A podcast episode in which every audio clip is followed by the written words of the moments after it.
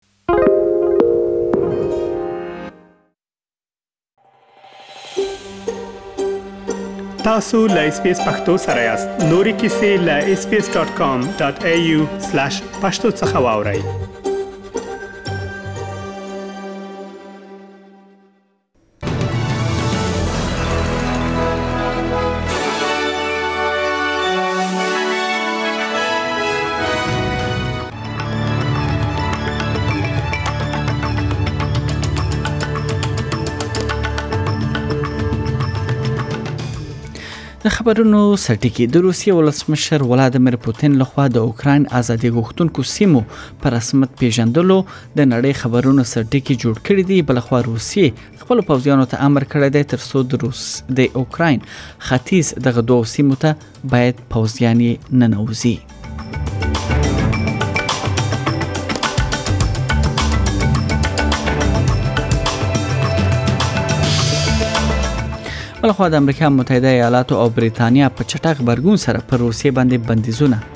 اعلان کړی دی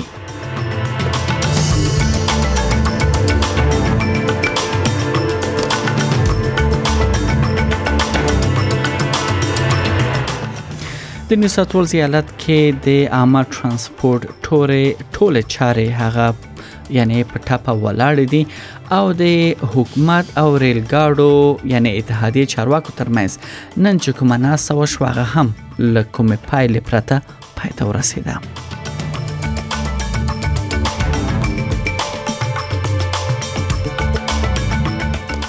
او یونیسف ویلي دي چې افغانستان کې دولتي ښوونځیو 200 زره ښوونکو ته به معاشونه ورکوي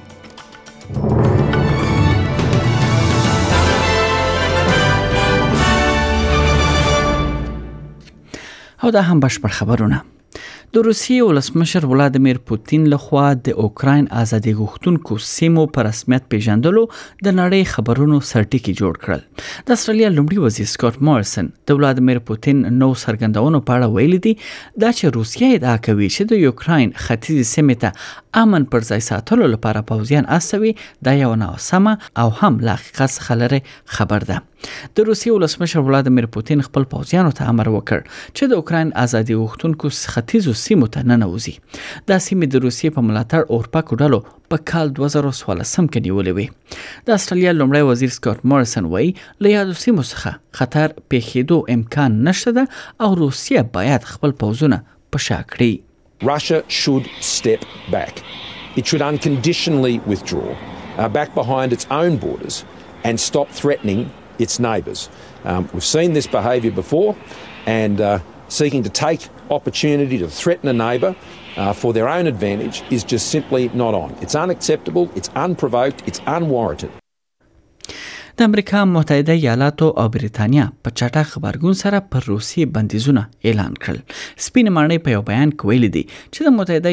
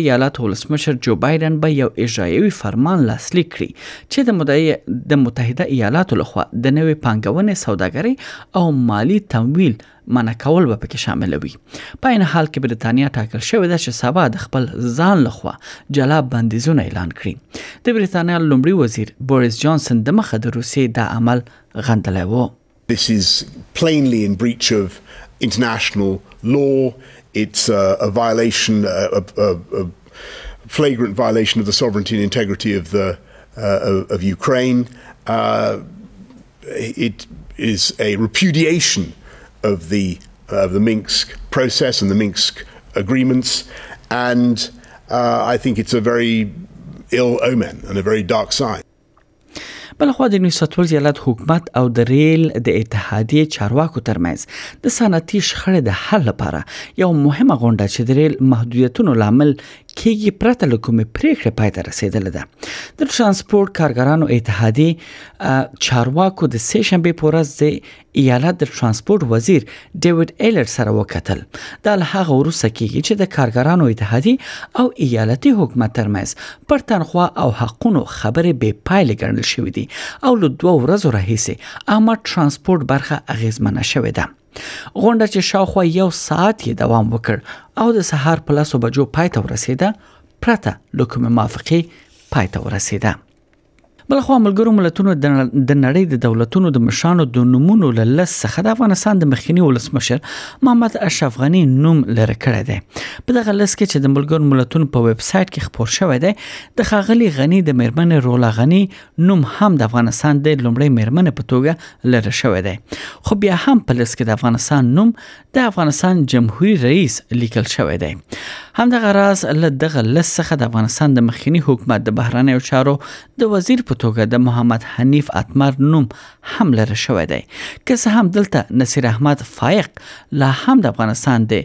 یعنی فایر په توګه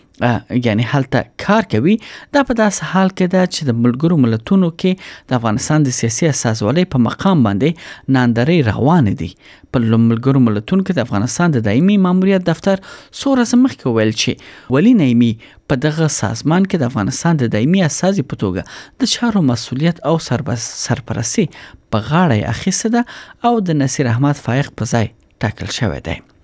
د ویسی پښتو ویب پاڼه له مخه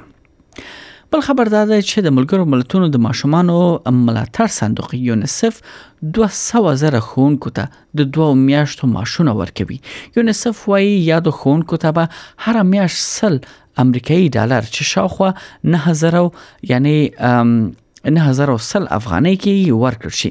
په دغه معاشونو کې د جنوري او فبروري میاشت حقونه هم شامل دي چې د اروپאי ټولنې لخوا د لومړنۍ او منځنۍ خوانځیو یعنی یو لکو سلو نوي زره خونکو ته به ورکول کیږي افغانستان کې د یونیسف ادارې اساسي او یا ویل دي خوښ یو چې له ډیرو کړاونو او هڅو وروسته بلاخره په دې وتوانیدو چې افغانستان کې د دولتي ښوونځیو یو شمیر ښوونکو سره بیړنۍ مرسته وکړو دا هم د بي بي سي ویب پاڼه نه مخه بلخوا فدرالي حکومت په انتراتیکا کې د استرالیا ستراتیژیک شتون ته وده ورکولو لپاره د 100 میلیونو ډالرو پانګونه اعلان کړی دی. اضافي اته سوه او څلور میلیونه ډالر به د لسو کلونو پانګونه برخه به وي چې په دې توګه په دغه براعظم کې د څارنې بې پلوټه الوتکو، چورلکو او نورو وسایلو لېږولو لپاره به ځانګړې شي. لومړي وزیر سکاټ مورسن وویل چې تمویل به د ساینسي څېړنې ته هم وده ورکړي. د استرالیا پانګونې نوې اعلان سره به په تازمانیا کې لږ تر لږه سل نوې دندې رامنځته کولو کې مرسته وکړي او په استرالیا کې دننه به هم یو لنډمهاله سټیشن رامنځته کړي استرالیا اوس مهال د انتراتیکا د لوی وچې 200 سلنه ساتونکی دی او استرالیا په یاد ځای کې درې اډې هم لري دا په داسې حال کې ده چې چین هم په انتراتیکا کې خپل حضور پراخوي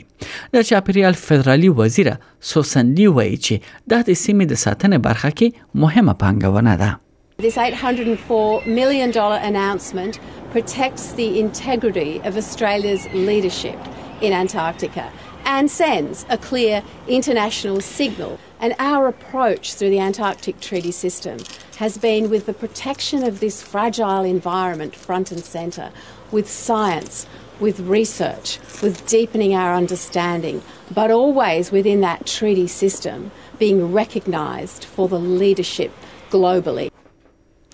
بلخوان ریاستوال زیارت پر روسي راپور ورکولو موده کې د 14 کسانو مړینې او هم د 8952 د کرونا وایرس قضیه ثبت خبر ورکړی دی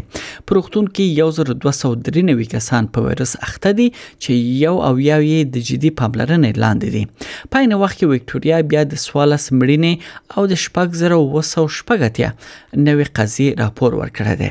دا مهال په روغتون کې 315 کسان په وایرس اخته دي چې اته سلويخي د جدي پاملرنې او ته بیا په او اته بیا په وینټیلیټورونو کې دي کوینزلند د کووید 19 15 مړینې او 15583 نوې قضیې ثبت احوال ورکړی دی او د مارچ او د مارچ د میاشتې له سلورمې نیټې څخه به د کور دننه ماسک احکام یا هغه تدابیر چې هغه به هم نرم کړی شي معنی دا چې خلک اړ نه دي چې ماسک وکاروي بلخوا ای سی ټي یا کمبرا کې د کرونا وایرس 1503 نوې پیښې ثبت شوې دي او تاسمانیا کې بیا 810 نوې پیښې ثبت شوې دي وکټوريا په داخلي ځایونو کې د ماسک کارولو ختمولو لپاره نوي تدابیر وړاندې کړل د جمعې څخه به یعنې د مخ پټولو ته به نور په داخلي ځایونو کې اړتیا نه وي یعنې په شمول د عامه ترانسپورت ملبه پالنې ځایونو او د ښوونځیو ځینې ترتیبات د وکټوریا لومړي وزیر ډینیل انډریوس وویل چې د بندیزونو نرمول اوس په دقت سره په پام کې نیول شوی دی ځکه چې د اومیکرون سپې خپل اوج ته رسیدلی دی This Friday uh, when we have advice to all Victorians you can go back to the office, you don't have to work from home anymore. That was always advisory in this last phase anyway. Uh, but the one, one of the biggest blockers to people going back to the office is having to wear masks. And now there'll only be a very small number of settings where masks are needed. And again, that's based on health advice also. او د نن ورځ وروستی خبر دا دی چې د امریکا په خوانی ولسمشر ډونالد ترامپ د نوي ټولنیزو رسنیو اپلیکیشن جوړ کړی دی او عام منظر ته وړاندې کړ ول د یاد اپلیکیشن وړاندې کولو سره ځینې تخنیکی سوزه ورته پیدا شوې د متحده ایالاتو د پخوانی ولسمشر ریښتینی ټولنیز اپ په پا پیل کې د ځینو پیرودونکو سره د ساتونو لپاره باندې پاتې کېدو سره د ستونزو سره د مخ شوی دی ټرمپ هیله مند دی چې نوې پلیټ فارم به هغه میلیونونه کارونکي راجلب کړي چې هغه یې په ټوئیټر کې تعقیب کړي دي چې رچ دغه حساب تیر کال یعنی 2021 کې له تورونو وروسته وزندول شو دا اپ د دوشنبه په سهار په متحده ایالاتو کې د غوړه وړیا اپ په توګه په اپل سٹور کې ځای په ځای شو د ماشومان لوبي او سټیمینګ خدماتو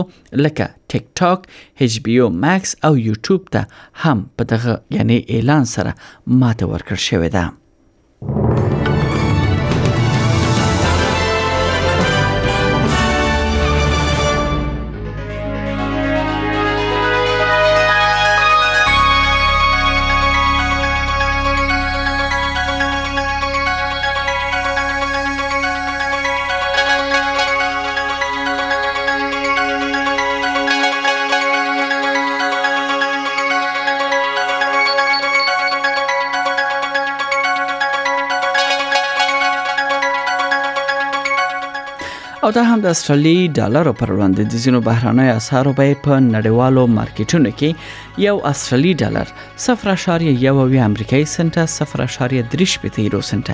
یو استرالی ډالر شپږ شپږ افغاني روپی یو سل شپږ ویش اشاریه نهویه پاکستاني روپۍ